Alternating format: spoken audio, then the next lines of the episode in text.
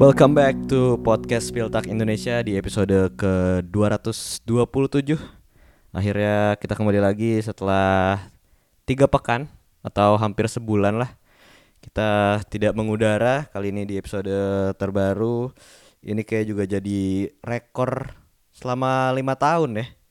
Ja ya Ini kita biasanya kita cuman paling dua minggu. Ini kayak sejak lima tahun terakhir kita absen tuh kayak paling pas lockdown doang gitu.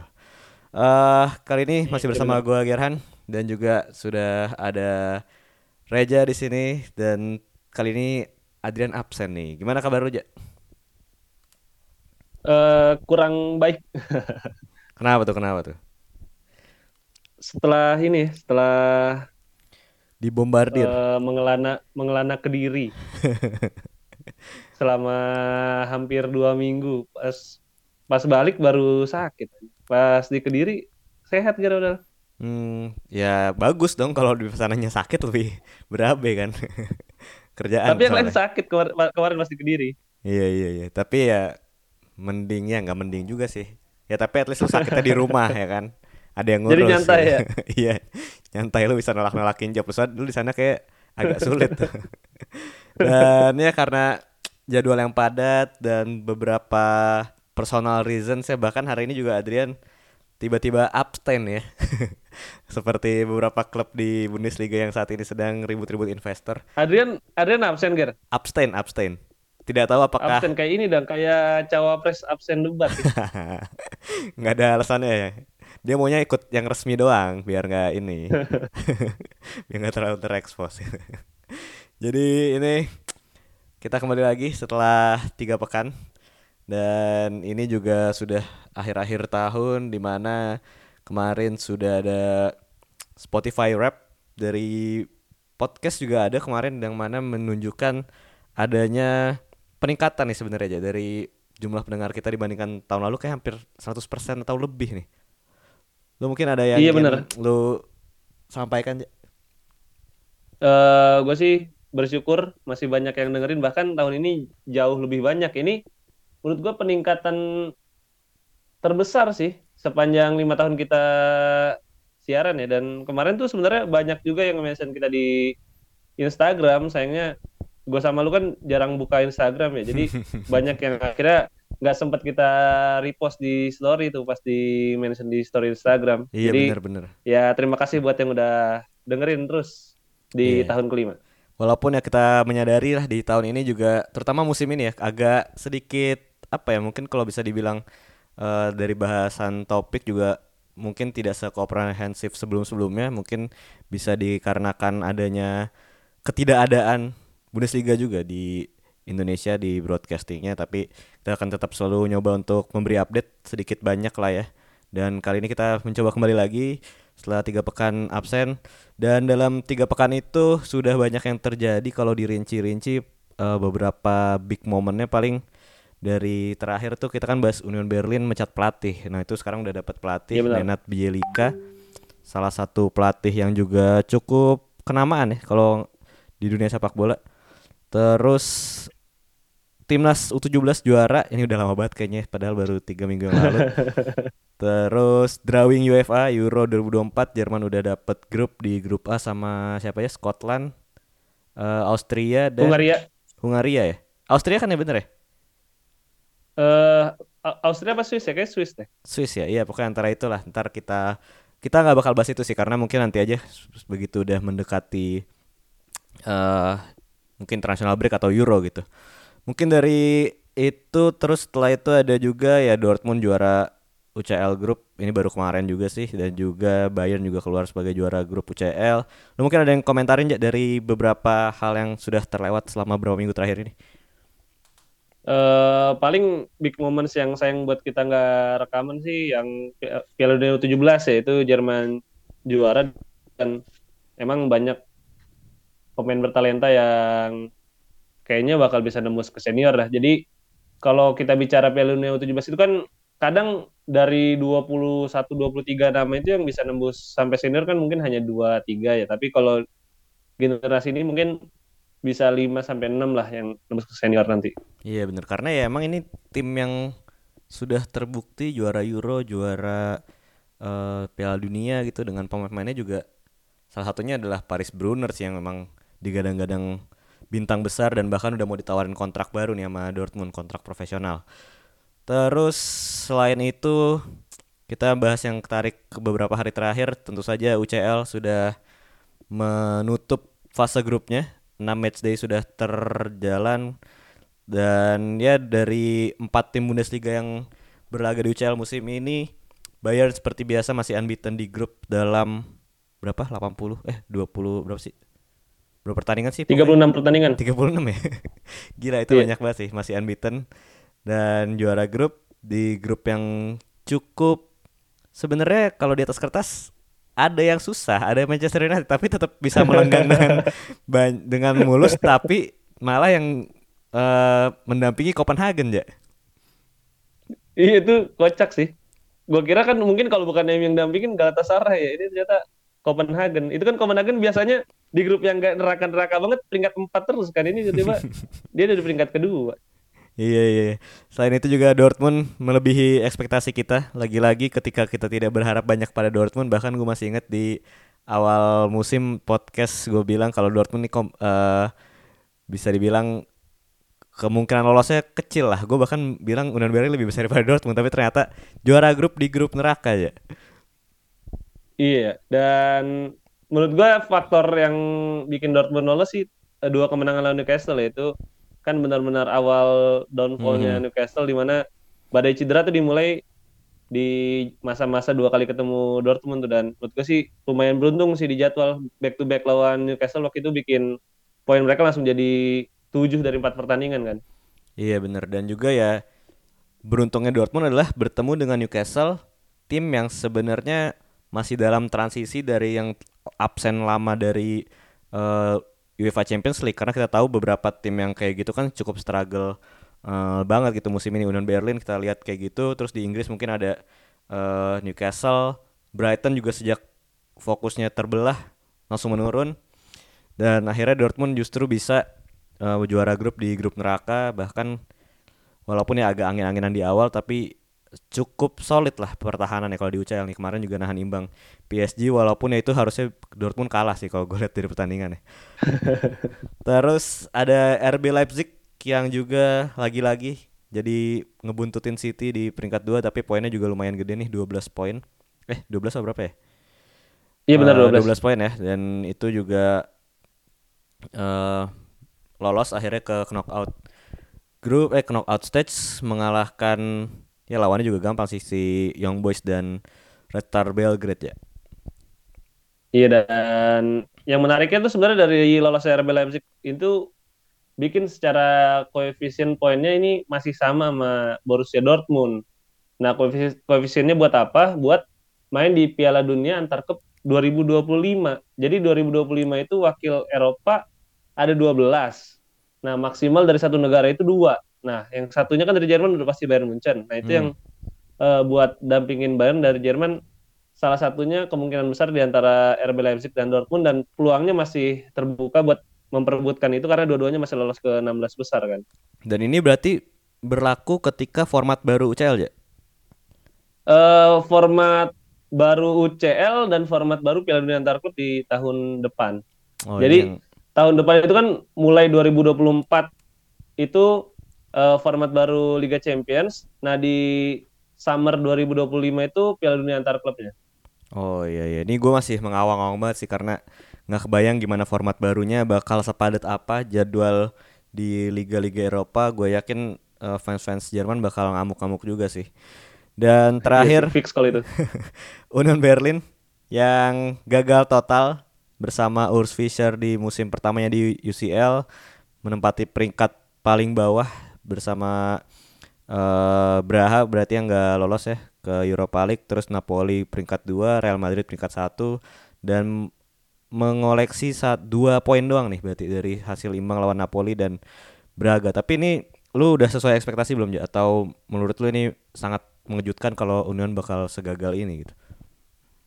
Eh uh, gua kecewa karena secara permainan kan dua kali lawan Madrid bagus. Hmm dua kali lawan Braga itu uh, kebobolannya di extra time. Bahkan yang terakhir itu Sri Braga, Braganya udah main dengan 10 pemain sejak babak pertama.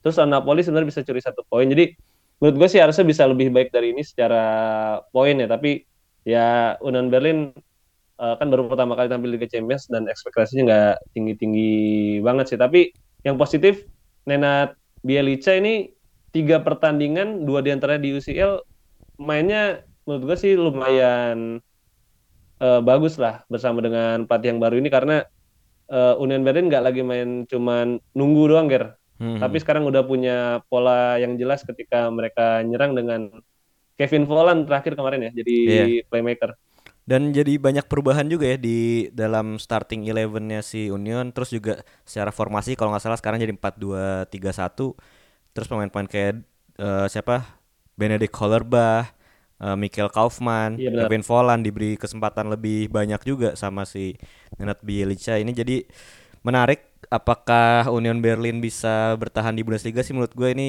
menjadi suatu hal yang achievable lah bagi Nenad Bielica karena kita lihat ya ini skuadnya skuad yang udah level uh, European competition gitu. Jadi kita akan tunggu saja Union. Jadi ini juga jadi sisi positifnya juga bagi Bielica karena tidak perlu merotasi squad dan juga bisa fokus di liga doang nih. Dan kalau dari UL baru akan main uh, nanti malam setelah kita rekaman ini, tapi ada satu tim yang cukup menarik untuk dibahas yaitu adalah Bayer Leverkusen yang kalau di Bundesliga sih ini semakin untouchable karena Bayern Munchen kemarin kalah 5-1 mengejutkan dari Eintracht Frankfurt. Walaupun secara skor ini udah pernah terjadi tahun 2000 19 atau 2021 ya? Itu waktu 2019. itu 19 ya. Kan masih 2020-nya sextuple. Oh iya benar. 2019 kejadian itu dan sekarang 5-1 lagi dan justru Leverkusen kemarin harusnya bisa menang tapi eh harusnya sih menang uh, mengincar kemenangan tapi tertahan satu sama oleh Stuttgart dengan ini laga yang benar-benar gila XG-nya sama-sama tiga tuh dua-duanya tapi cuma kejadian satu-satu doang skornya dan Leverkusen masih berpeluang untuk uh, menjuarai tiga kompetisi nih ya. Ada Bundesliga di mana di peringkat satu, di Well juga udah peringkat satu dengan 15 poin dari uh, lima kali main sejak uh, saat kita rekaman ini. Terus juga di FB Pokal lolos ke apa quarter final berarti ya ke quarter final melawan Stuttgart nih. Lu dari lihat dari peluang Leverkusen di antara ketiga kompetisi ini ya. Menurut lu yang paling uh, harus difokusin utama dan yang paling achievable untuk dimenangkan menurut lo yang mana aja? Kalau dari tiga kompetisi ini sih menurut gua DV Vokal jelas sudah di depan mata ya karena nanti kan head to headnya langsung sama Stuttgart lagi. Kalau dia bisa lewatin Stuttgart, nah itu kan mayoritas lawannya kan dari divisi bawah kan. Jadi menurut gua DV Vokal sih harusnya udah uh, bisa mereka fokusin dan DV Vokal itu kan nggak tiap minggu main. Jadi uh, bisalah dibikin fokusnya tuh buat di sana yang penting dapat piala dulu gitu kan buat tim kayak Leverkusen buat menghilangkan bayang-bayang Leverkusen itu gitu. Jadi jangan sampai kayak tahun 2001 ya ngejar tiga piala, tiga-tiganya malah hilang kesempatan di akhir musim gitu. Jadi DV Pokal menurut gua harus dapat di sana. Terus kalau yang lebih realistis mana Bundesliga atau Europa League, gue justru mikir Bundesliga lebih realistis Ger karena uh, Leverkusen kan sebenarnya nggak terlalu teruji ya di Europa League gitu karena lawannya di grup kan cuman Molde, Haken gitu tim tim-tim yang memang tier bawah lah di Eropa dan di Europa League itu kan masih ada Liverpool, terus masih ada tim-tim kayak Milan yang turun dari UCL. Champions League. Iya jadi uh, Leverkusen belum teruji lawan tim-tim kayak gitu dan menurut gue sih khususnya lawan Liverpool ya kayaknya masih agak sulit gitu sebenarnya. Jadi uh, belum teruji di sana dan menurut gue Bundesliga lebih realistis apalagi ngeliat downfallnya Bayern kemarin kan kalah 5-1 lawan Eintracht dan di putaran pertama Leverkusen solid banget tiga kali seri itu kan lawan tim-tim yang di papan atas semua Bayern, Dortmund sama Stuttgart. Jadi urutannya menurut gue DFB Pokal, Bundesliga baru Europa League. Iya karena kalau dilihat dari uh, sedekat apa gue juga setuju kalau DFB Pokal di urutan pertama sih. Walaupun lawan yang dihadapi adalah Stuttgart. Ini kalau dilihat dari secara permainan kemarin sih bisa dibilang outplayed juga. Secara permainan Leverkusen kan keserang mulu. Lawan Stuttgart tuh kalau nggak salah Radecki bikin 8 save yang benar-benar semuanya krusial banget. Dan itu kita lihat juga Sabi Alonso bahkan bermainnya udah nggak kayak Sabi Alonso di pertandingan-pertandingan uh, sebelumnya gitu banyak di terutama di babak pertama Stuttgart lebih menguasai pertandingan banget sampai bahkan Leverkusen bertahan setengah lapangan gitu. Tapi akhirnya di babak kedua karena tertinggal uh, Xabi Alonso bisa untuk uh, ngepush pemainnya dan ngasih press ke depan lebih uh, gede lagi. Jadi akhirnya bisa ngimbangin gitu. Tapi justru yang kayak gini kan adanya faktor kejutan nih dari DFB Pokal kalau dari tim-timnya yang lain tuh saat ini yang masih uh, bertanding berarti ada Saarbrücken versus Borussia Mönchengladbach. Saarbrücken bermain di home ini juga kita nggak bisa anggap enteng Saarbrücken karena udah uh, terbukti juga beberapa musim terakhir dia cukup bagus di DFB Pokal pernah masuk semifinal aja. Eh, apa quarter yeah, final bener. juga ya? Oh gitu. Semifinal yeah. yang semifinal. Daniel Batz tuh gimana? Daniel Batz yang sekarang akhirnya main untuk Mainz. Uh, terus juga ada Hertha BS Berlin versus Kaiserslautern nih dua tim yang juga lagi bagus di uh, papan bawah di dua Bundesliga Hertha BSC bersama pelatih barunya kalau nggak salah juga udah cukup memberikan impact yang bagus terus juga satu lagi adalah Sang Pauli versus Fortuna Düsseldorf kalau lu lihat dari nama-nama klub ini menurut lu yang paling memungkinkan misalkan Leverkusen lolos mengalahkan Stuttgart nih menurut lu yang harus diwaspadai siapa aja? Uh, eh, gue pengen bilang Gladbach ya tapi Gladbach nih sulit banget ditebak ya musim ini. uh, kadang tuh bisa bagus banget mainnya, kadang juga jelek banget mainnya. Jadi masih banyak dalam satu pertandingan, tapi lu belum tentu menang karena lu Gladbach gitu kan. Jadi skornya mungkin jadi empat empat. Jadi menurut gue itu yang bikin dia mungkin agak sulit ya. Lawan Saarbrücken mungkin masih masih bisa menang, tapi semifinal walaupun itu lawan tim dari divisi kedua rasanya bakal tetap berat buat uh, Borussia Mönchengladbach. Jadi justru gue secara pribadi sih pengennya tim-tim yang dari divisi kedua sih yang bisa bikin kejutan dan mungkin bisa jadi juara walaupun nanti uh, pada akhirnya kalau mereka main di Eropa juga berat ya buat Jermannya sendiri tapi ya hal-hal Cinderella kayak gitu kan yang bikin kita cinta sama sepak hmm. bola. Gue ngarepinnya sih dua tim yang bisa bikin kejutan Kaiserslautern sama St. Pauli mungkin karena uh, secara gaya main sih sebenarnya dua tim ini kan lumayan menghibur juga ya di divisi kedua khususnya Sang Pauli yang memang musim ini justru paling solid lah penampilannya dibandingkan yeah. musim-musim sebelumnya karena kan sebelumnya tuh mereka selalu telat panas di awal terus baru ngegas di akhir tapi kalau musim ini dari awal uh, gue lihat sih lumayan solid penampilannya. Ya, yeah, gue justru melihat Saarbrücken bisa mengejutkan di quarter final nanti dengan penampilan alat tim papan bawah lah. Kita tahu kalau di DFB Pokal di National Cup kan memang tim-tim seperti ini punya motivasi lebih. Dan satu lagi gue lihat juga Hertha bisa lolos nanti bersama Fabian Rys lagi jago-jagonya. Bahkan beberapa fans di Jerman menganggap Fabian Rys ini cocok untuk dicoba di timnas Jerman gitu. Terus kalau satu lagi gue lihat mungkin San Pauli juga gue setuju sama lu. Karena ini tim yang musim ini berbeda kayaknya dari musim lalu.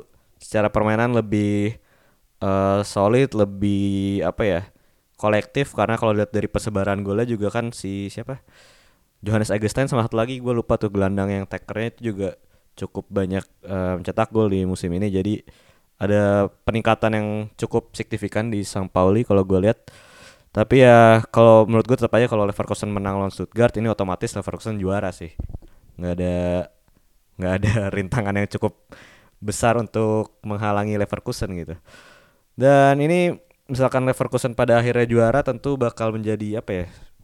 Pisau bermata dua mungkin ya bagi Leverkusen karena Sabi Alonso kita tahu ini pelatih yang sudah diincar oleh klub-klub besar lainnya Bayern Munchen, Real Madrid, bahkan Liverpool mungkin setelah era Jurgen Klopp bakal ngecall si Sabi Alonso juga.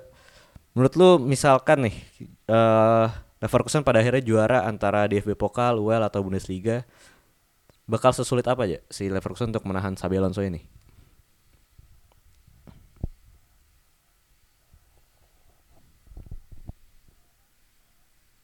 Eh, kalau buat menahan Xabi Alonso sih berat banget ya karena ini kan secara hubungan Leverkusen dan Xabi Alonso kan tidak punya hubungan yang sangat melekat gitu ya. Jadi kalau misalnya pindah pun kayaknya nggak akan eh nggak apa nggak akan gampang gitu buat Leverkusen nahan si Xabi Alonso apalagi kalau yang nawarnya udah kayak Real Madrid gitu kan. Itu Hmm. menurut gue sih udah mungkin tanpa pikir panjang sih Xabi Alonso bakal nerima. Cuman dari segi karir sendiri sih menurut gue Xabi Alonso mending bertahan di Leverkusen karena eh, mungkin satu musim kan bisa dibilang kejutan, tapi kalau dia bisa nerusin ini dua atau tiga musim artinya dia lebih dari sekedar kejutan gitu. Jadi dia memang manajer yang solid. Nanti ketika pemain datang dan pergi dia tetap bisa bikin klub ini jadi kuat kan artinya dia jadi dia emang pelatih yang benar-benar punya filosofi, punya mentality yang bagus dan setelah mungkin dia sukses dua atau tiga musim di Leverkusen baru akhirnya dia bisa cabut ke tim yang lebih gede entah itu mungkin Bayern, entah itu Real Madrid. Eh, tapi yang pasti menurut gua idealnya sih 2 sampai 3 musim di Leverkusen. Tapi kalau kita bicara lagi kan juara dan Leverkusen sebenarnya bakal diuji benar-benar di Januari Ger karena beberapa pemain mereka kan bakal ke Piala Afrika kan. Itu menurut gua ujian yang sesungguhnya bahkan Leverkusen kabarnya juga udah ngincar satu striker lagi buat seenggaknya tuh mereka nanti punya tambahan amunisi ketika Victor Boniface nanti ke Piala Afrika. Iya bener bener. Berarti Boniface, Odilon Kusunu, eh dia eh Kusunu pemain mana ya? Negaranya ya? Sama si siapa? Odilon Tapsoba. Kusunu Pantai Gading ya? Tapsoba juga ya, Burkina Faso. Kayaknya Burkina Faso lolos deh ke AFCON kali ini. Dan ini berarti eh mungkin ini tujuannya dari si Leverkusen mem- melon eh beli apa lon sih si Stanisic ya karena kita tahu di lini belakang bakal ditinggal oleh dua back yang menurut gue musim ini bagus banget si eh, Tapsoba dan terutama si Kusunu ya. Dan gue juga setuju sih karena ini Xabi Alonso masih di musim full pertamanya. Kita tahu di musim lalu kan dia masih bersama dengan skuad peninggalan dari Sewane yang mana itu menjadi pengalaman yang luar biasa. Di sana Xabi Alonso juga belajar gimana caranya eh, apa ya bangkit setelah kekalahan gitu dan musim ini terbukti eh, masih unbeaten dan ini mungkin kalaupun setelah ini kalah gitu ya seperti yang dialami mungkin kalau musim ini Ange Postecoglou kita lihat ketika kalah banyak dia sulit sulit untuk bangkit tapi menurut gue Xabi Alonso bisa untuk mengatasi hal itu ke depannya dan hal yang penting juga adalah Leverkusen harus diuji di sepak bola dengan level tertinggi seperti Liga Champions karena kita tahu di Bundesliga ini tim-tim yang sudah dikenal Xabi Alonso, udah dikenal bagaimana cara mainnya. Eh, sejak musim lalu kan juga yang dari promosi juga cuma dua tim gitu secara eh, perubahan taktik nggak ada yang beda jauh dari tim-tim lainnya. Jadi ketika ketemu tim-tim yang lebih besar di UEFA Champions League menurut gue ini bakal jadi eh eh, rintangan sesungguhnya lah, tantangan sesungguhnya bagi Xabi Alonso gitu menurut gue. Dan selain itu juga ini bakal menjadi eh, musim yang menarik bagi Xabi Alonso di Leverkusen musim ini. Dan kalau menurut lu dari musim ini so far hal apa yang bisa menghentikan dari eh, unbeaten run-nya si Xabi Alonso aja? eh ini berat ya kalau buat ditanya gini karena udah keuji semua Ger. Jadi eh, Florian Wirtz cedera bisa lewat. Terus eh, Boniface lagi nggak gol-golin kayak bu- bulan lalu mereka tetap bisa menang gitu kan. Jadi eh, udah lumayan keuji sih. Mungkin kalau cedera 3 sampai 4 pemain mungkin ini yang bisa bikin mereka agak goyang ya khususnya mungkin di gelandang karena secara kedalaman squad mungkin di gelandang yang belum terlalu teruji ya pemain-pemain kayak si Puerta atau Noah Mbamba kan Hmm. itu jarang banget dapat kesempatan dan core-nya bener-bener hanya di Florian Wirtz terus Ezekiel Palacios bahkan Andrich pun secara menit bermain kan berkurang ya. Jadi mungkin kalau gelandang mereka cederanya barengan mungkin bakal bikin goyang sih. Iya bener. Dan ya gue juga setuju sama lu kalau kita lihat nih apakah setelah Januari Leverkusen masih bisa maintain performa kayak gini kemungkinan besar menurut gue bakal sampai pekan ketiga empat sih. Kalau misalkan Bayern tetap ngepush kayak sekarang ya nggak ada kepleset-pleset lagi gitu. Dan kita beralih ke topik lain yang masih berkaitan dengan Bundesliga dan lagi rame di Jerman sana. Ini juga mencoba kita ramaikan kemarin di uh, sosial media yaitu adalah Bundesliga yang saat ini lagi sedang apa ya ketar-ketir sih enggak tapi lagi ramai soal uh, pembahasan investor nih yang akan dibuka uh, oleh DFL gitu. Jadi DFL rencananya akan menjual sekitar 9% uh, saham DFL Media mereka ke investor asing. Dan ini banyak mendapat tentangan dari uh, pro dan kontra lah. Ada yang menentang, ada yang tidak. Tapi pada akhirnya juga setelah pada Mei kemarin gagal wacana ini akhirnya kemarin Senin lalu sudah keluar uh, voting baru bahwa pada akhirnya 24 klub setuju untuk uh, investor ini masuk ke DFL gitu. 24 klub dari 36 klub di dua kasta teratas berarti di Bundesliga dan dua Bundesliga. Jadi ada 24 klub yang setuju 10-nya itu tidak setuju dan duanya lagi abstain. Ini berarti sudah cukup untuk memenuhi kuota apa ya berarti kalau gini kuota forum ya untuk uh, menentukan kebijakan dan ini bakal membawa fokus utama sih dari yang gue baca bakal membawa digitalisasi terutama di uh, sosial media di YouTube dan lain-lain. Karena kita tahu kan musim ini dua musim terakhir lah ya aja kita lihat bagaimana Bundesliga ini sangat kurang gitu di uh, sosial medianya aja. Ya khususnya di Twitter ya. Di Twitter entah kenapa ngilang ya apa karena videonya kita repost repost terus ya. Jadi nggak ada ngepost lagi sekarang Bundesliga di Twitter itu gue yang paling aneh sih maksud gue. Uh, Twitter itu kan mirroring sama Instagram pun bisa gitu. Hmm. Tapi yang gue lihat di Twitter kok tiba-tiba jadi senyap banget Bundesliga. Padahal Bundesliga itu kan sebelumnya salah satu liga yang secara sosial media tuh paling aktif dan secara penyajian itu di luar orang kebanyakan lah gitu kan. Karena yang ditawarin itu kan kadang blunder. Goalkeeper hmm. terus uh, blunder blunder pemainnya atau bikin kompilasi. Kayak Julian Brand kemarin lah itu udah pasti dikompilasin tuh dia anime. uh, selebrasinya kan.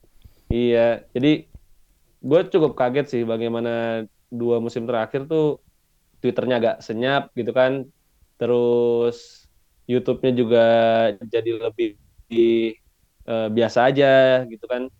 Jadi kalau misalnya itu investasinya bakal bikin sosial medianya aktif lagi sih, gue uh, senang-senang aja sebenarnya. Cuman hmm. yang ditakutkan itu kan mungkin setelah investasi ini masuk di awal, apakah nanti investasinya bakal lebih besar dan kemudian uh, mempengaruhi hal-hal yang terkait dengan gamenya kan. Itu mungkin yang dikhawatirkan oleh tim-tim yang menolak. Karena investasi ini kan pasti ditujukan buat orang-orang di luar Eropa gitu kan. Khususnya hmm. kalau Bundesliga Amerika Serikat dan Asia lah. Sedangkan kita tahu Amerika Serikat dan Asia ini kan secara jam itu sangat jauh jaraknya sama Jerman. Dan ini mungkin yang menjadi kekhawatiran terbesar uh, ke depannya takut di jam kick off mungkin kayak Premier League gitu. Ada yang main jam 12 siang ada yang main jam 2 siang gitu. Itu mungkin yang ditakutin sih. Iya benar-benar. Dan dari investasi ini juga kabarnya DFL uh, eh, percaya bahwa dalam beberapa musim ke depan setidaknya udah bisa dapetin satu miliar euro uh, investasi gitu berapa waktu ke depan lah. Dan itu bakal di apa dialokasikan untuk tadi digitalisasi dan juga satu lagi uh, untuk mencapai pasar-pasar di luar Jerman tentunya ya. Bisa datengin klub ke sana tur ke Asia tur ke Amerika. Dan ini kalau dari sudut pandang penonton sih ini sangat bagus ya. Dari kita sangat bagus. Tapi ya lagi-lagi dari sepak bola Jerman sendiri sih mayoritas fans pada menolak. Dan salah satu alasannya adalah karena si mayoritas fans ini merasa nggak diajak dalam diskusi itu gitu nggak diajak berdialog dalam adanya kebijakan ini. Tapi walaupun begitu demikian juga klub-klub yang mayoritas kan juga pada setuju gitu. 24 klub setuju dan hanya 10 klub yang tidak setuju. Nah dari 24 klub ini bisa kita lihat sih nanti uh, kalau buka di Twitter Spiltak ada itu uh, fotonya kita share beberapa hari lalu. Ini seperti Munchen, Dortmund, RBL nih nggak terlalu mengejutkan sih karena tim-tim memang tim-tim papan atas yang memang secara uh, pendapatan mungkin sebenarnya udah mulai steady tapi ini jadi hal yang bagus gitu untuk mendapatkan pendapatan lebih dan yang nggak setuju nih ada nama-nama yang tentu saja uh, tim tradisional bisa dibilang ya. Ada Union Berlin, Sang Pauli, Freiburg, terus juga Nürnberg, ada FC Köln. Yang mengejutkan justru ada Hertha Berlin nih, ja, yang malah menolak padahal menurut gue Hertha tadinya kan terbuka sama investasi gitu. Lo ada lagi mungkin ya beberapa klub yang lo lihat sebagai uh, yang cukup mengejutkan nih?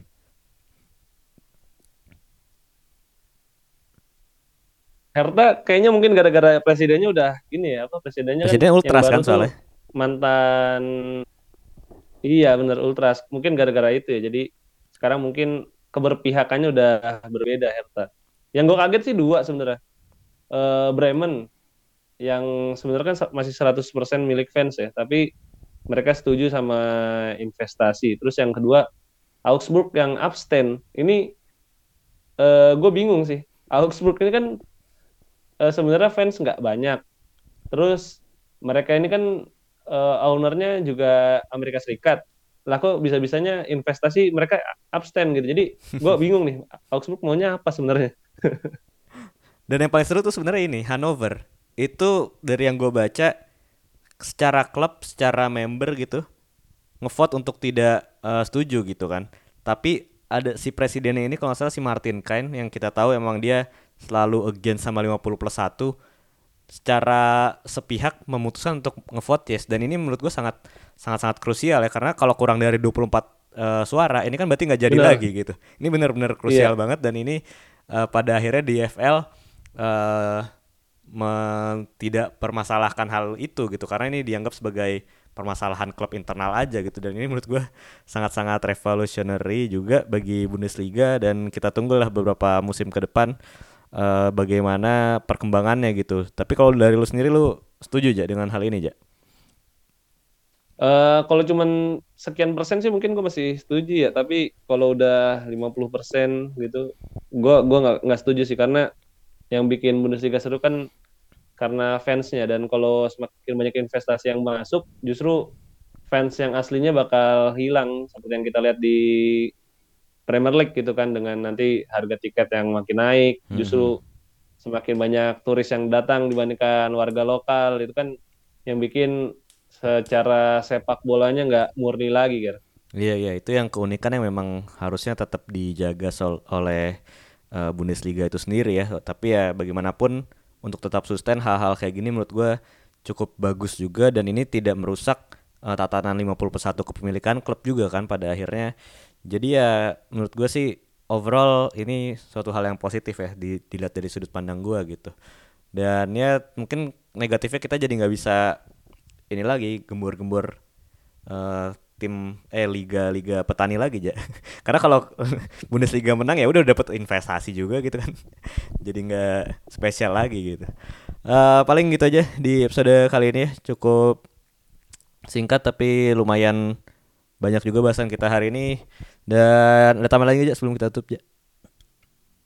Udah sih paling itu aja. Paling minggu depan udah bisa bahas ini ya.